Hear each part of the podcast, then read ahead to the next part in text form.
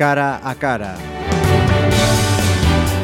Un cara a cara hoy que me vais a permitir, diga, de verdad, mmm, sea muy especial y, y, en este caso, por mi parte, tengo que decir con, con algo, algo más de nervios de lo habitual. Sí, sí, sí, sí, porque acabáis de escucharle la risa, pero en el momento en que oigáis una palabra, va a sobrar que diga quién es. De verdad, que bienvenida. Uh -huh. Buenas tardes, buenas noches. Meli Fandiño, bienvenida tal? a esta casa. Llevamos ya un rato charlando con ella porque ha sido una fiesta. Uh -huh. Ha aparecido por las escaleras y ha sido toda una fiesta. Con la lengua fuera. Estas escaleras de verdad que son toda una prueba de fuego para todos, todos los que venís. Me vendría muy bien a mí todos los días subir estas escaleras y bajarlas, pues a lo mejor un tiempito por la mañana y un tiempito por la tarde, para ponerme en forma ahora para poder colocar el bikini. No, no creas, ¿eh? de verdad. Para endurecer. Para el, culete, endurecer. el culete sí lo íbamos a notar, pero aquí sí, sí, sí, la zona cero. Bueno, bajaría, bajaría el peso, bajaría el peso. De todas maneras, cuando quieras ya sabes que las puertas de Pontevedra Viva están abiertas siempre para, para, recibirte. Pues muchísimas gracias. ¿Qué, qué decir de, de, Meli Fandiño a la hora de, de presentarte? Bueno, pues que puede, puede que haya mucha gente todavía que esté ahora sintonizando y no sepa quién soy, ¿eh? probablemente. Bueno, los Quizás que... los más jovencitos que no, le dan mucho no a esto de, de, internet, de los podcasts y tal, que la voz seguro que les suena, sí. pero que igual no saben muchas cosas de las que me gustaría que, que, que fuésemos comentando aquí este ratito. Me hace muchas veces gracia algunos jóvenes, eh, no muy jóvenes, por ejemplo, no, no niños de 12 años, 14 años, pero alguno a lo mejor 18, 19, 20 años. Ay, sí, mi abuela tenía la radio en la cocina y tal, uh -huh. y sí, sonaba tu voz, y, y le, sí, sí, le suena mi voz, sí uh -huh. le suena. Es que es sí, parte, sí, sí. parte de Pero, Pontevedra y de la radio. Sí, es curioso. De Pontevedra dice, cuando, sí, en casa de mi abuela tenía la radio siempre uh -huh. puesta y tu voz eh, me suena uh -huh. de, aquella, de, aquella, época. Pues vamos a contarles a esas generaciones que, que todavía tienen que conocer eh, que no les interesará. historia porque... viva de, de, de, esta ciudad. Sí, yo creo que sí. Pero es que ahora los jóvenes la radio no la sintonizan, ya con las nuevas tecnologías mm. que tienen. Yo creo que la siguen escuchando, pero digamos la radio que convencional el, no. el, el medio material es diferente. Ahora los ves con el teléfono móvil y mm. posiblemente vayan escuchando radio, pero lo escuchan a través del móvil. Escuchan mucha música. Lo escuchan, efectivamente. Y mm. puede que sí que noticias, porque supongo que a la gente joven le interesarán las sí. noticias, mucho más hoy en día. Pero es eso, noticias puntuales y después música uh -huh. o, o, sus cuestiones, ¿no? Sus sí, cuestiones. Sí. Pues eh, una de las dudas que yo, que yo tenía cuando estaba preparando esta entrevista, bueno, si, si la radio no se hubiera cruzado en la vida de Meli, ¿qué hubieras hecho? ¿A qué te hubieras dedicado? ¿Había algo que, que, No tengo ni idea, es que de verdad que no tengo ni idea. Bueno, lo clásico de siempre, cuando te preguntan, ¿tú qué quieres ser? Enfermera. Sí. Decías enfermera siempre. Uh -huh. También maestra, también uh -huh. maestra, porque era dos de las opciones buenas que tenías en Pontevedra para poder eh, formarte y conseguir una profesión, ¿no? Una carrera. Pero como fue todo, empecé todo tan temprano, tan joven, tan, tan niña, tan niña y como, como estudiante fui un fracaso, pues entonces, ¿Sí? sí, por si hay algún profesor por ahí de mi época, sí que lo habrá, sí que lo hay. Uh -huh con una de ellas aún mantengo bastante contacto, uh -huh. pues eh, no puedo mentir, claro. Porque ¿cómo, cómo era la visión de, de, una niña delante de un micrófono a, en los últimos años? ¿Cómo, ¿Cómo, es esa diferencia, esa perspectiva que, que, que, da el tiempo y los años? ¿Cómo era aquel medio cuando llegas y dices...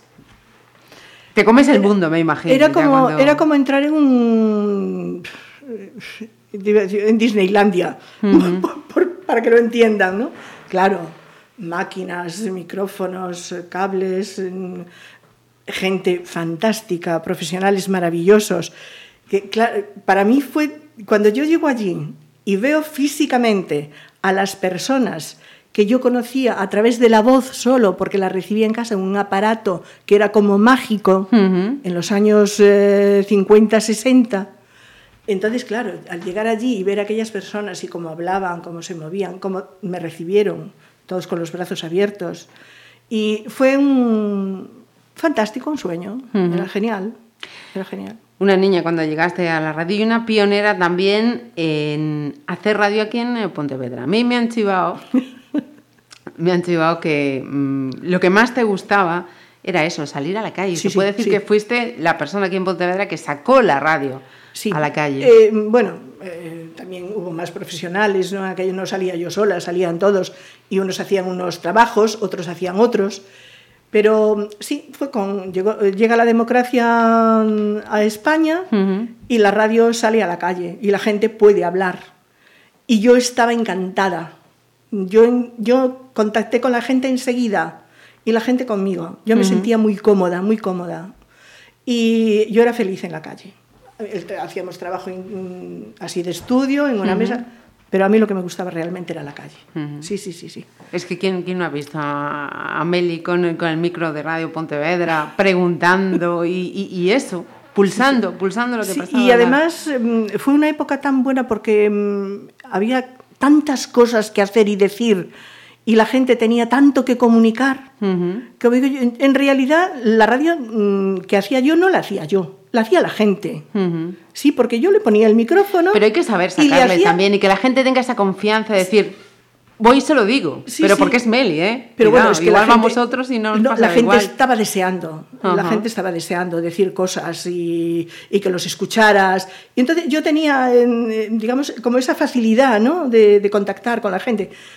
Y, y algo que no debía, que me, muchas veces me censuraron, y era el comprometerme con, con las personas, ¿no? Escucharlas, pero también reconocer, pues, oye, pues tienen razón, y, estar, Ajá. y hay que apoyar, y hay que estar, y hay que dejarlos hablar, y hay que decir, claro, dentro de Sí, ese marco en el que dentro también... de lo que se podía y no se podía y todo esto, pero muy bien. Y la gente conmigo, la verdad, como digo yo, yo con un micrófono de Radio Pontevedra en la mano, jamás fui rechazada. Nunca, jamás. Me podían hacer esperar más, esperar menos. Solamente una, mira, es una anécdotas hay infinidad de ellas. No voy a decir el señor, eh, nada, pero bueno, una vez me pasó, eh, solicitamos una entrevista en una empresa que era muy, tenía muchos conflictos, la gente se quejaba muchísimo y solicitamos una entrevista. Bien, se nos concede. Yo voy, eh, una hora, dos horas, tres horas. Eh, llevábamos una serie de preguntas Ajá. que queríamos hacer. Bueno, me recibe el señor y dice, me gustaría ver las preguntas que me van a hacer. Esta no me gusta, esta no, a esta no voy a responder, esta no hay que formularla así. Entonces dije, bueno, pues si esto no se puede hacer, aquello no se puede decir, esto no lo va a comentar, no me interesa la entrevista. Toma. Entonces llegué a la emisora, dije lo que había pasado, la dirección de la emisora dijo que bien y se acabó. Fue la única vez que yo recuerde así. Bueno, si llegas a un sitio, después efectivamente te pueden contestar a unas cosas, a otras no. ¿eh? Una cosa que me da mucha rabia y seguramente a ti ya te tiene pasado también. Est- Estás haciendo una entrevista ¿no? y acabas la entrevista y hiciste más o menos y te dicen, ahora te voy a contar la verdad. ahora, ahora te voy a decir la verdad. A esa pregunta que me tal... Sí, ahora te voy a decir la verdad. Y te, Sí, y quedas, te queda un- claro. y te quedas con una cara de parva. Y dije, bueno, ¿y ahora qué hago? ¿Lo pongo? Lo cuento, no- lo añado, me Ah. lo callo. ¿Lo digo, no lo digo? ¿Lo vuelvo a Claro, porque como te lo dicen, ahora te voy a contar la verdad. Off the record, sí, sí, sí. Claro. Ujú.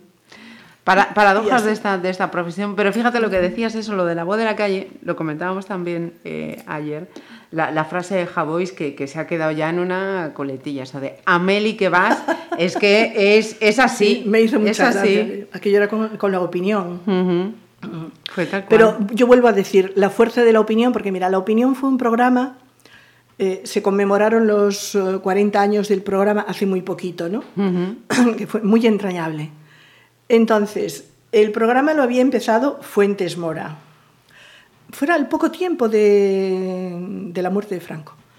Eh, fuera- Fuentes Mora. Después está José Luis Adriopoza, Ujú. Hipólito Fraguas. Casi todos los compañeros que trabajaban en aquel momento en la emisora, hombres, ¿eh? Hombres. Porque la radio era la radio de La los radio, hombres. Si las mujeres trabajábamos en la radio antes de esto, de lo que decías tú, de salir a la calle y todo, pero la radio era de los hombres. Los deportes lo hacían los hombres, los informativos los hombres. Las mujeres éramos locutoras. Eh, leíamos las noticias, las noticias las escribían ellos, leíamos las noticias, los anuncios, los discos dedicados, las esquelas. Pero mm, lo fuerte, lo fuerte de la emisora, la responsabilidad la llevaban los hombres. Y entonces el programa lo empezaron ellos. Y, mm, y el programa siempre tuvo éxito. Yo digo, el éxito del programa es la participación. Si no hay participación, el programa no tiene éxito. Y siempre lo tuvo, siempre tuvo éxito en ese aspecto, la participación. Hipólito... el- Bebe, bebe. Hace, hace- no, es que hace calor. el calor me mata. Eh, el programa con Hipólito Fraguas estuvo arriba de todo. Ajá. Después, cuando había entrado, yo entré como complemento del, del programa con él. Cuando yo empecé a salir a la calle y empezó a tener tanto éxito lo de las entrevistas, Ajá. encuestas que hacías, la participación de los ciudadanos, Entonces es en el, cuando... exacto, en el programa se denunciaba. Por ejemplo, tú recibes la llamada en la opinión, imagínate una zona de Pontevedra, Monteporreiro, que fue muy conflictiva siempre. Ajá. Pues Monteporreiro. ¿Qué pasa en Monteporreiro? Esto, esto, esto. Allí, allí denunciaban los vecinos. Allá me iba yo con el micrófono, me reunía con la asociación de vecinos o con vecinos de diferentes zonas, grababa y se complementaba, digamos, aquella intervención Ajá. con una, con una información mucho más amplia. Y quien dice esto, pues exactamente igual lo que pasaba con Unión Fenosa, con los transportes, con el agua, con, Sí, el con día a día la con ciudad. todos los temas fuertes. Nosotros buscábamos después una respuesta a las denuncias en el programa. Entonces yo empecé así. Y cuando Hipólito mm, dejó ya de, de trabajar en la radio, yo me tuve que quedar en el programa, sentada. Y ya no Esa me... parte ya no te gustaba aunque tanto. salía, yo seguía saliendo a la, yo seguía saliendo a la calle y todo. Sí, sí. sí. Luego, luego, al terminar esta entrevista, voy a hacer una, una confesión y una anécdota. Es medio confesión, me- medio, medio, media anécdota, que para mí tie- tiene un, tiene un recuerdo muy, muy especial.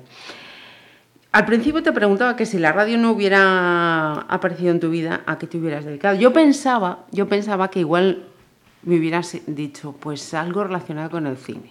Porque Ah. es evidente también Pero que tú y el cine época- sois vidas paralelas. Sí, en aquella época no hubiera pensado, si mejor hubiera vivido en una ciudad, pues no sé, eh, Coruña, digamos, o Santiago o, o Madrid, sí, pero desde Pontevedra pensabas en el cine como espectadora, nada, nada más. No, nunca te lo... Si hubiera, en el cine, detrás de una cámara de cine, a lo mejor sí me hubiera puesto. hubieras encontrado. Sí, sí, sí que me hubiera. Siempre detrás. Eso me pasó cuando Televisión Pontevedra, o bueno, mm, localidad Sí, Televisión Pon- sí, en Pontevedra. sí. Yo tengo llorado ¿Qué me dices? por salir delante de la cámara. Sí, sí. Yo es que era una... No quería, no quería. A mí no yo no, no soy fotogénica, no me reconozco delante de una, de una cámara, no me gusto, es decir, no me gusto delante de la cámara.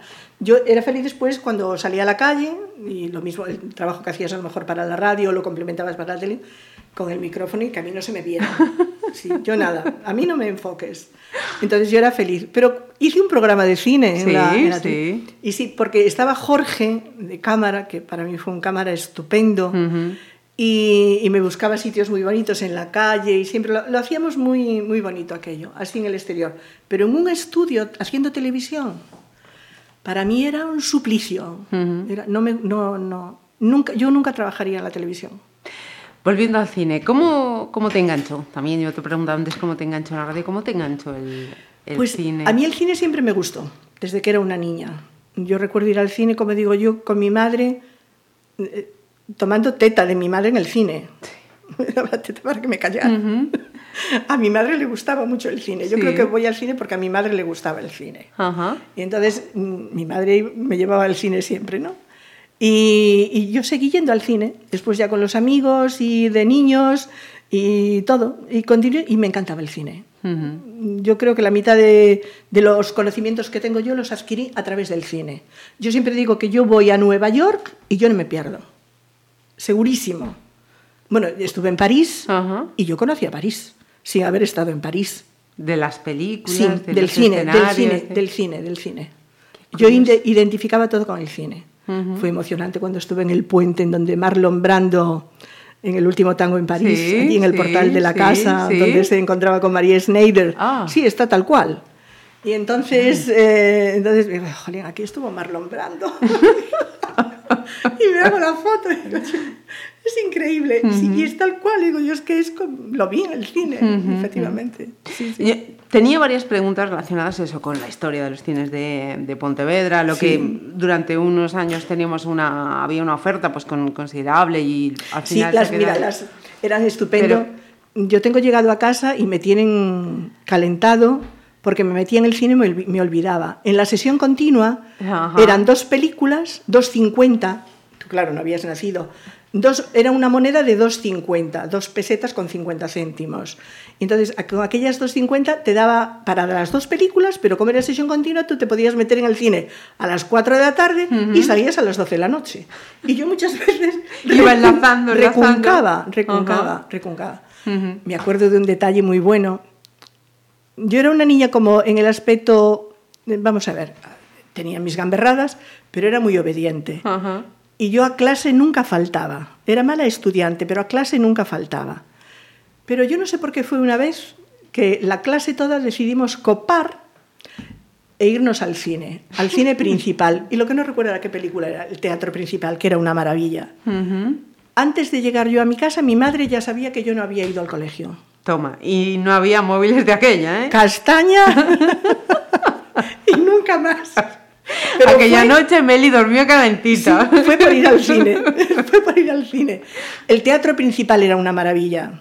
Además, en el teatro principal empezaron a poner lo que eran las salas de arte y ensayo, que era el cine en versión original con subtítulos en español. Y ahí fue donde me empezó a mí a sonar el inglés, el francés, el italiano. Entonces era una verdadera maravilla escuchar a los actores y a las actrices con sus voces, ¿no? Sí. Hombre, al principio perdías mucho. Yo después tenía una práctica leyendo y tal, que era... Sí, porque la gente siempre dice, es que leer, efectivamente. No, a el mí leer, reconozco que me cuesta muchísimo el leer, el leer original evita que, sigas bien, lógico, porque miras hacia... Pero yo, al adquirir una práctica, ya Ajá. lo tienes mm, eh, fantástico.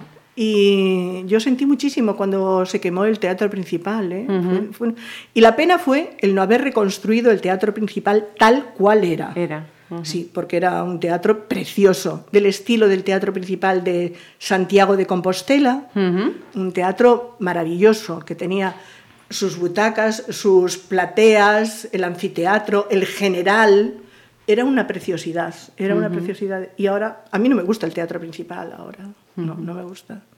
Y todo, Lo que sí- el Vitoria, el Malvar, el Coliseum. Ujú. Sí, sí, los, yo eso, fui haciendo los, los deberes y El había- Coliseum, que el Coliseum y el teatro principal estaban, o el Malvar estaban uno al lado del otro. Ajá. El, el Coliseum tenía un problema que era graciosísimo, los niños somos muy malos.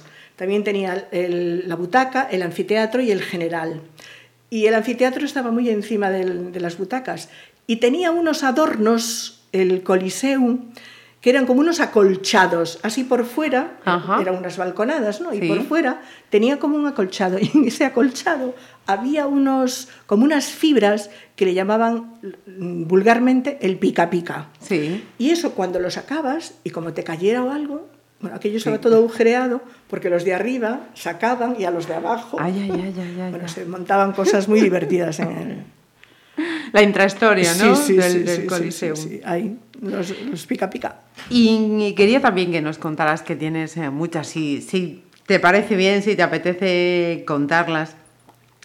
Eh, muchos años que has ido a San Sebastián, ¿no? Lo estamos Sí, yo fui a San. Sebastián casi 11 años seguidos. Después dejé una temporada y volví, dejé unos bastantes años y volví, pero ya cuando volví, ya el Festival de San Sebastián no tenía nada que ver con lo que yo había visto, Conocido. conocido, y vivido, ¿no? Porque ya era un festival mamotrético.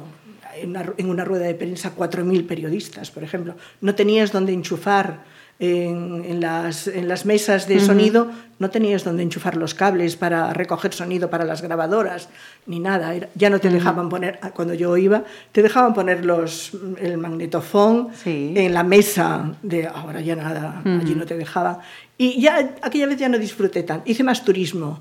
Ya no fui a ver las películas y tal, pero ya no ya no disfruté tanto del festival, pero los primeros años fue una gozada. Esa Meli de periodista de, de, de cine, de allí en el festival yo conociste, divertirme. estaba diciendo, conociste a mm, personas del mundo de la cultura, colegas de profesión, actores, y la gente del cine. Es que tú sabes. Cuéntanos, por favor, ¿Cómo si iba- es que estaba ahí ver, escuchando embelesada. Como yo iba a conocer, por ejemplo, de- en Pontevedra mm, a personajes como François dice, mm, Anthony Quinn, que era guap- no guapísimo, era un tipazo, de- era un hombre muy fuerte. A, a Bertolucci, fíjate tú, a Bertolucci, a Ben Gazzara, que tenía unos Ah. ojos, aquello que era maravilloso. Eh, era, es que ahora se me agolpan los nombres y algunos los recuerdo, otros no los recuerdo. Pero mm, a, a Gregory Peck, ya en sus años, ya mm, a Glenn Ford, fue gente in- impresionante toda, impresionante.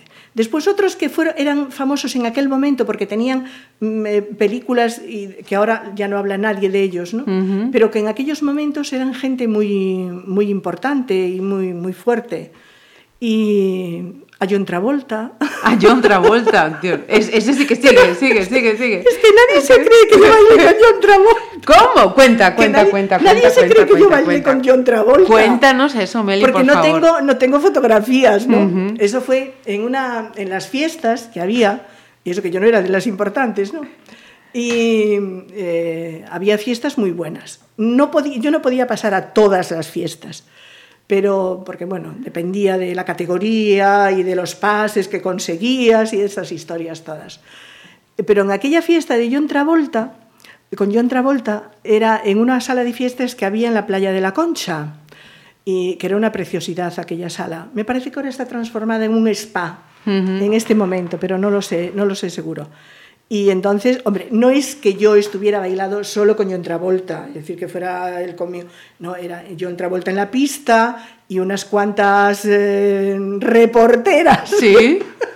reporteras dicharacheras, pues nada, con él en la pista bailando. Ajá. Y John Travolta te coge la mano y te da una vuelta. Y cosas así, sí. Muy, muy divertido. Pero fíjate Sí, tú, y yo en aquel momento no le di importancia ninguna, ¿eh? En el, porque era como uno más. Era como uno más también. Era, no era muy famoso en aquel momento y tampoco. Bueno, el fiebre de Eh, sábado noche. Sí, de- ya, pero bueno, yo para mí, después, pasado el tiempo, dije, jolín, pues sí que ya... Mira tú. Mira tú por dónde bailan. Qué pena no tener una foto, pero no. Habría que ir donde. Oye, bonito, tú bailaste con Meli, ¿eh? Cuidadito, cuidadito. Y después, bueno, y actores y actrices españolas, bueno, lo de, lo de siempre. Sí. Sí. Antonio Banderas, cuando no lo conocía casi nadie, llegó a San Sebastián con la corte del faraón, con una Ana Belén ya muy, muy conocida.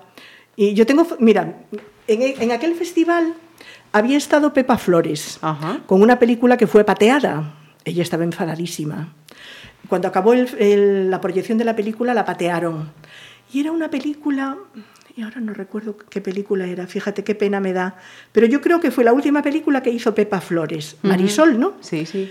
Y, y yo le había, a mí me gustaba mucho Pepa Flores y me sigue gustando, es una mujer que siempre me gustó, como canta y como actúa.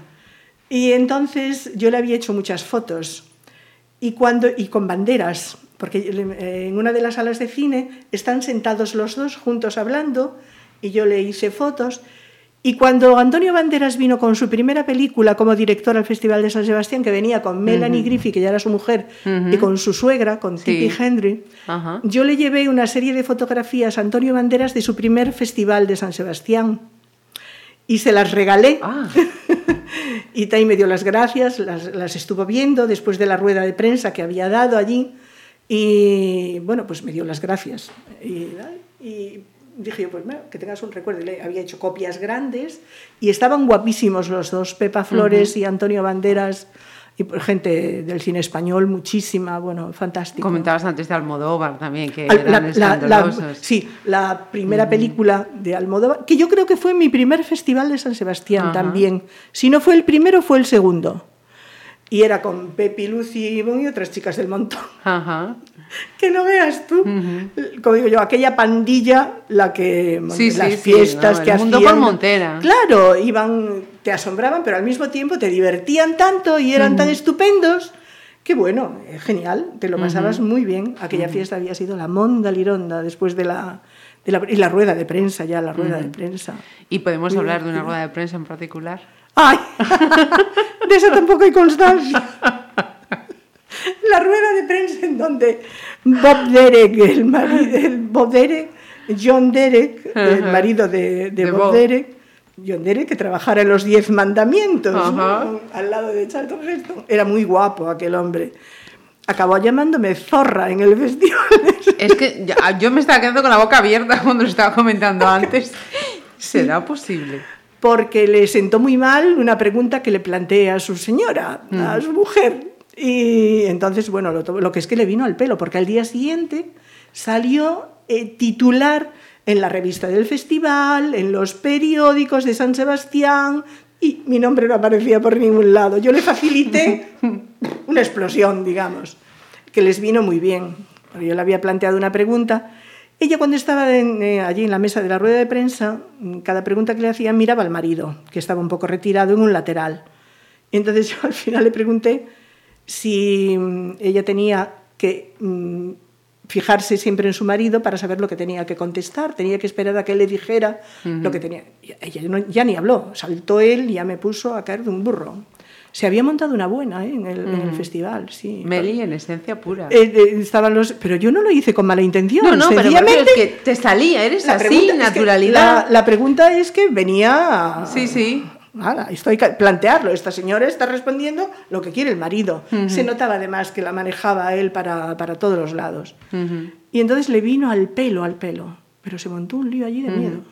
Después, ya de, no, como decías, no has querido volver o no se han dado las circunstancias, ¿te No. gustaría volver? Vamos a ver. mm, hoy en día, bueno, me gustaría volver a San Sebastián, pero para disfrutar de San Sebastián. Yo siempre dije que de no vivir en Pontevedra, me gustaría vivir en San Sebastián. Es una Es preciosidad. una de ciudad, sí, Es ciertamente. muy bonita. La gente me gusta, me gusta todo. Yo viviría en San Sebastián feliz también. No volví al festival porque, vamos a ver, yo iba al festival en mi tiempo de vacaciones.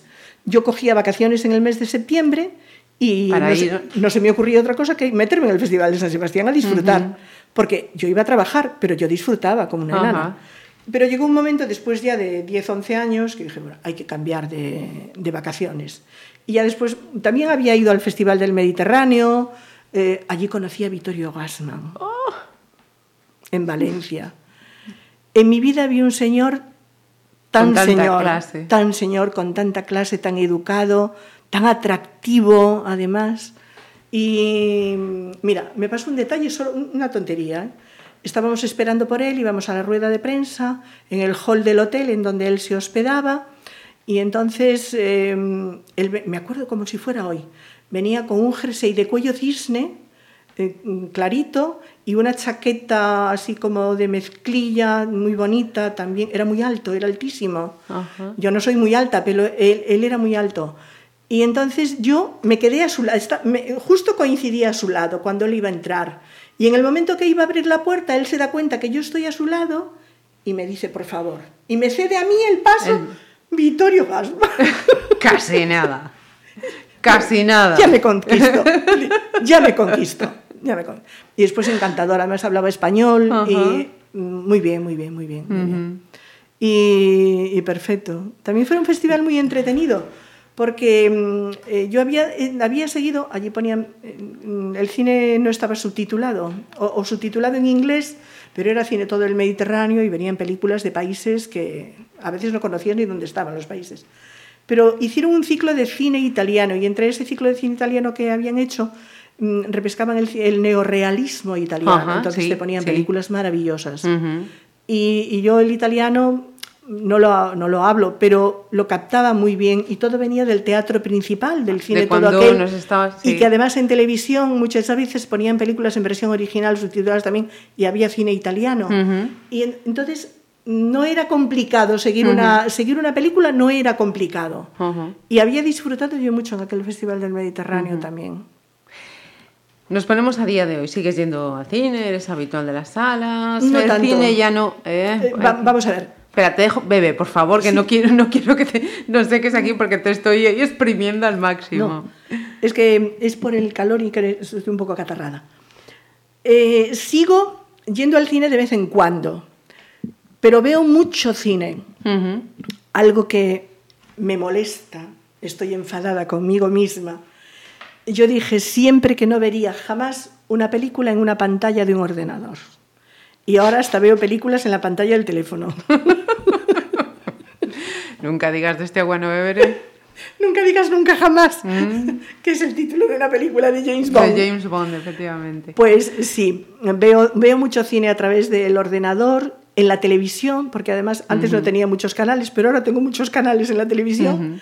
Y entonces ponen mucho cine en versión original también, algún que otro canal. Bueno, también es cierto que las pantallas que tenemos hoy Eh, los de televisores no tienen nada que ver con lo que había. Bueno, yo hace tengo, una, un- yo tengo una televisión media, ¿eh? no, tengo una, una- no tengo una pantalla muy grande. Sí, no, La- pero la calidad mismo, ¿no? No, no, la solo calidad, sea por el- la calidad está bien, es- la calidad está bien. No, sí, incluso a través de, Sí, de los- los dispositivos, los sí. iPads, los- sí, sí, cierto. Y yo cuando estoy así en una espera, un médico tal, chu- chufo cascos Y película. Y además eh, tienes oportunidad de ver películas que no te llegan a las salas comerciales. Por eso yo no voy tanto al cine ahora. Repesco, al- todo- repesco algunos títulos que me interesan, que tengo información y tal, que me, que me principalmente cine español, que se estrena menos, pero hay que verlo. Y, y después, a través de internet eh, o como pueda yo verlo, y la televisión, cine a veces, el cine iberoamericano, eh, cine nórdico, de los países nórdicos de Europa, porque eso en salas no lo puedes ver y también es interesante, porque ahí puedes ver la- las películas que van a festivales que después a lo mejor no tienen distribución en nuestro país, en nuestro territorio, y ahí las, las ves y algunas no te gustan, pero otras te encantan. Ya sabes que estos próximos días tenemos aquí en Pontevedra el Festival Sí, Internacional me Nuevos encanta Idiomas. la idea, qué bonita idea, qué bonita idea. Me, me gusta, ojalá, ojalá vaya arriba, ojalá triunfe, ojalá la gente responda y el ahora casi dicen que todo el mundo, todo, todo, todo pueblo, todo tal, hace un festival de cine. Bueno, pues mejor, que viva el cine. Efectivamente, que viva. Que viva el cine. y ahora que ya estás eh, jubilada, que no paras, porque eh, Meli y estar quieta es, es, es imposible. Mira, voy a hacer, un, perdóname, Sí, sí, un sí. inciso además hablando del cine, porque tú me decías antes cómo empiezas a... Porque me gustaba tanto el cine, iba tanto al cine, y llegó un momento, yo le planteé a la edición si me dejaba, y me, me dijeron que sí, eh, y hacía, hacía el programa de cine, y yo disfrutaba muchísimo con, con el cine. ¿Por qué lo hice? Porque me gustaba el cine y yo quería difundir el cine, quería que la gente también Le se enterara, le y llegara. cogiese el sí, sí, que fuera al cine. Y después fue tan agradecido a mí el programa de cine para mí, oye, porque hoy en día, fíjate tú que, la- que yo hice muchas cosas en la radio, eh, principalmente, y, y en- a la gente le gustan mucho las encuestas que yo hacía, y y- pero es que la- el un porcentaje muy importante de gente me recuerda por el cine por los programas de cine. Y me dice, echamos de menos aquellos programas de cine que hacías tú. Y dije, joder, fíjate tú. Qué cosa más curiosa, ¿no? Porque podía, por el trabajo que hacías en la gente, cuando ibas por ahí por, por los barrios, por los pueblos, o en la opinión mismo y tal, pues no, pues mucha gente me recuerda por el cine. Oye, pues si tienes el gusanillo, tienes un micro delante. Ay, no, no, ahora ya. No, no, no, no- trabajaba ya, únicamente que tuviera que vivir, que traba- vivir, Sí. trabajar para poder vivir, Ajá. ¿no? Entonces tendría que hacer lo que Como fuera. hobby, o sea, ni como que hobby fuera- siquiera. que fuera- pero no, no, no me... Mira, amo la radio, pero no me apetece trabajar. No me apetece Ya te- trabajar. Y escribir un libro sobre todo eso que has vivido del cine. Mira, escribir me cuesta muchísimo. Me gusta escribir. Pero ¿sabes lo que me pasa a mí con la escritura? Que no quedo contenta nunca con lo que escribo. Lo hago, lo deshago, lo vuelvo a hacer y no me gusta esto y vuelvo a cambiar. Es terrible. Nosotros trabajábamos sin guion en la radio. ¿eh? Esto se lo dices, lo mejor, como digo yo, a los profesionales de altos vuelos y te dirían, pero bueno, chica, ¿Cómo que trabajas sin guion? Nosotros trabajábamos Hay, sin hay, guion, hay nombres, mitos, bueno, mitos, no mitos, eh, periodistas con mayúsculas de ahora mismo del, del panorama que no saben, no saben estar delante de un micrófono sin el papel escrito delante. Sí, y nosotros no teníamos, teníamos unos apuntes a veces, porque claro, también la memoria y datos, nombres y cosas, o fechas, pero nosotros trabajábamos sin... Y Sin un programa, por ejemplo, como La Opinión en directo, ¿qué papeles vas a tener ahí delante? Sí, no es improvisación pura y dura.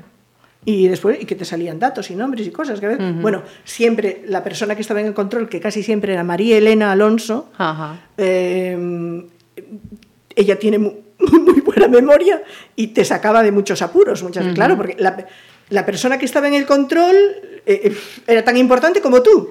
Porque Cierto. cualquier. eh, estaba al quite, siempre que estaba al quite. O podía, eh, porque podía buscar bueno, un dato, un, un papel, el periódico, lo que sea, ¿no?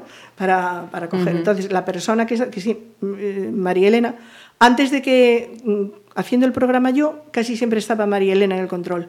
Y antes nos turnábamos nosotros. Los hombres estaban en el micrófono y las mujeres estábamos en, en el control de- del programa. ¿no? Que, que esto venía que decías, y me da la impresión que eres eh, muy, muy exigente con, contigo, ¿no? Que escribes, pero no, no te gusta lo que es. Lo Porque que... no sé escribir bien. Eh, hay- las cosas hay que reconocerlas. Eh, me gusta, es- y, por ejemplo, hacer una crítica de cine. Pero bueno, ¿cuántas críticas? Esto no me gusta.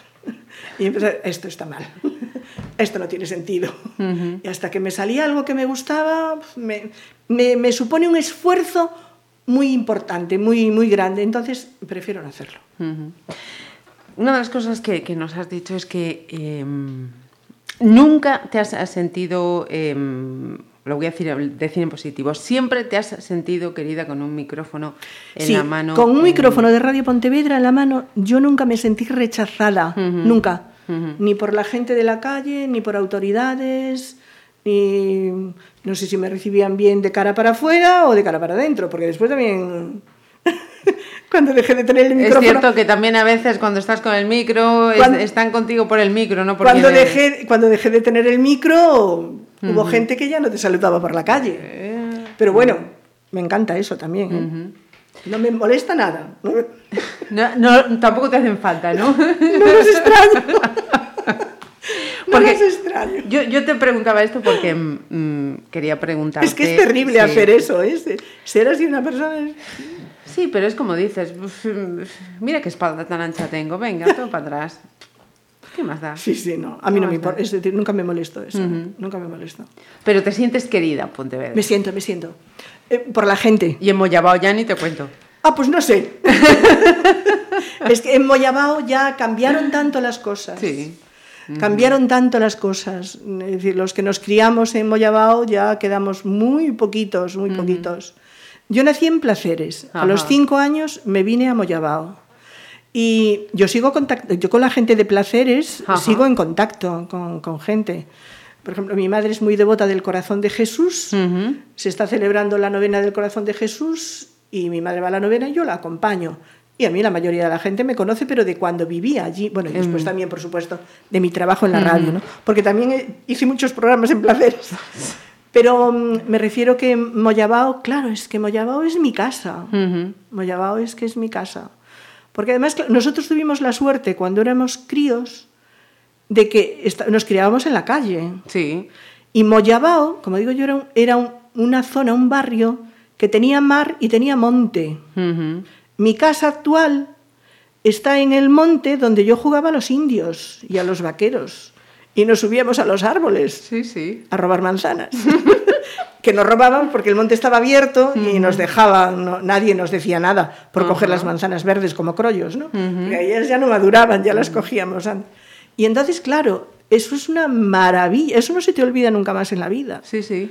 Y, y entonces, claro, dices tú, un barrio que yo salía de la huerta de mi casa, me tiraba de cabeza al mar, después por la tarde ibas a correr al monte, haceras una cam- con las mimosas una, una cabaña de indios y de vaqueros, y te subías a los árboles. Eso es una felicidad. Y en cambio ahora, si hubiera niños en el barrio, que hay poquitos o no los hay, yo no veo niños ahora en el barrio, pues no, no tienen eso en el barrio, no tienen eso. El barrio de Moyabao está muy deteriorado y el ayuntamiento no le prestó nunca la atención que ese barrio se merece. Yo espero que algún día le llegue que algún día Se haga le llegue. justicia con Sí, algún día le llegue. A nosotros nos machacó, es decir, desde el cruce de Fernández Ladreda con Rosalía de Castro hacia Marín, Sí. te coge el, la autopista volada, Sí. te coge el ferrocarril, por cierto, muy sucio, a ver si lo limpian, que lo tienen totalmente abandonado. Celulosa, más adelante, entonces es una, cena, una, una zona que quedó, está muy deteriorada. Yo espero que no tardando mucho eh, las cosas mejoren. pero- Quizá si, si se llega y que yo pueda verlas, aquel- porque me gustaría verlas. Aquel proyecto eh, que se va a hacer una zona verde eh, junto Sí, a en los antiguos, Malvar. sí, en, los, en las antiguas instalaciones de Malvar, sí. eh, parece que hay un proyecto por parte del ayuntamiento para hacer una zona De de, uso público verde, sí, sí. y entonces verde, deportivo y todo eso. Bueno, pues yo espero que si eso se llega a hacer, se prolongue para el terreno anterior a ese, que lo corta la vía del tren, y entonces se haga ahí una zona como la que se merece la ciudad de Pontevedra y principalmente el barrio de Moyabao y sus vecinos. Espero que sí, que lo hagan. Como Pero siempre, hablando muy clariño, muy clariño. Como tienen que ser las cosas, como habla la gente de la calle. Decía que me gustaría terminar eh, con una anécdota confesión, ¿no? Eh, yo llegué aquí en el 95. Hizo el año pasado 95. 20 ¿Sabes lo años. que me pasa a mí? Tengo una memoria catastrófica. Bueno, pues te cuento. Eh, estábamos de vacaciones, como siempre. Veníamos en el mes de julio de, de vacaciones. Mm. Y aquel año les dije a mis padres que me quería venir aquí.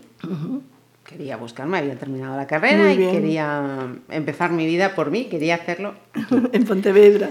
Estuve repartiendo currículums en Vigo y dije, bueno, pues vamos a llevarlos también a Pontevedra. Dijo mi padre, bueno, pues venga, te llevo yo. Entramos a Pontevedra y eh, semáforo en rojo, Emanuel del Palacio. Y al lado nuestro se para un coche blanco que llevaba el rótulo de Radio Pontevedra. Y en ese coche iba Meli, Anda. una señora. Y de repente mi padre mira y me dice, a ver si tienes suerte y esta señora algún día es compañera tuya. Anda. No te puedes imaginar cuando empecé a trabajar en Diario de Pontevedra y la primera vez que te vi, digo, esta es la señora del coche. Y la primera vez que tuve ocasión de hablar contigo que fue en una cena que hicimos en casa de Orinda. Sí, Y, pues, y tengo, ya. fíjate, tengo, tengo ese recuerdo Ay, qué vivo, bueno, qué bueno, vivo qué como bueno. si fuera hoy. La primera persona de esta profesión que conocí yo fue Mira. cuando yo andaba echando currículums para y efectivamente en se cumplió, se cumplió aquella frase fíjate, de, de Pues me alegro. Pues Meli, de verdad, de verdad, de verdad que ha sido todo, todo un placer. Que eso de las puertas están abiertas no es un No es formalismo. una frase hecha, ¿no? Efectivamente. Sí. Y que siempre, siempre bienvenida, que te tengamos Bueno, mucho, pues, mucho tiempo aquí con nosotros. Muchas gracias. Me lo pasé muy bien. Además, además es que, bueno, dice todo el mundo que yo hablo mucho. Yo digo que no, que no hablo tanto, pero bueno. Eh, puedo estar hablando toda la tarde, sí, si me dejas sin Y se, se pasa el rato sin, sin que uno se entere. Si me dejas, sí. Tienes una vida muy rica, Pero intensa tengo, y... eh, la memoria, por ejemplo, para fechas y eso soy bastante desastrosa. Pero a medida que voy hablando, sí. Vacilando, apare- enlazando, va van apareciendo ajustando. cosas, van apareciendo cosas, sí. Pues Meli, un abrazo enorme para terminar esta Venga. entrevista. Venga, muchas gracias.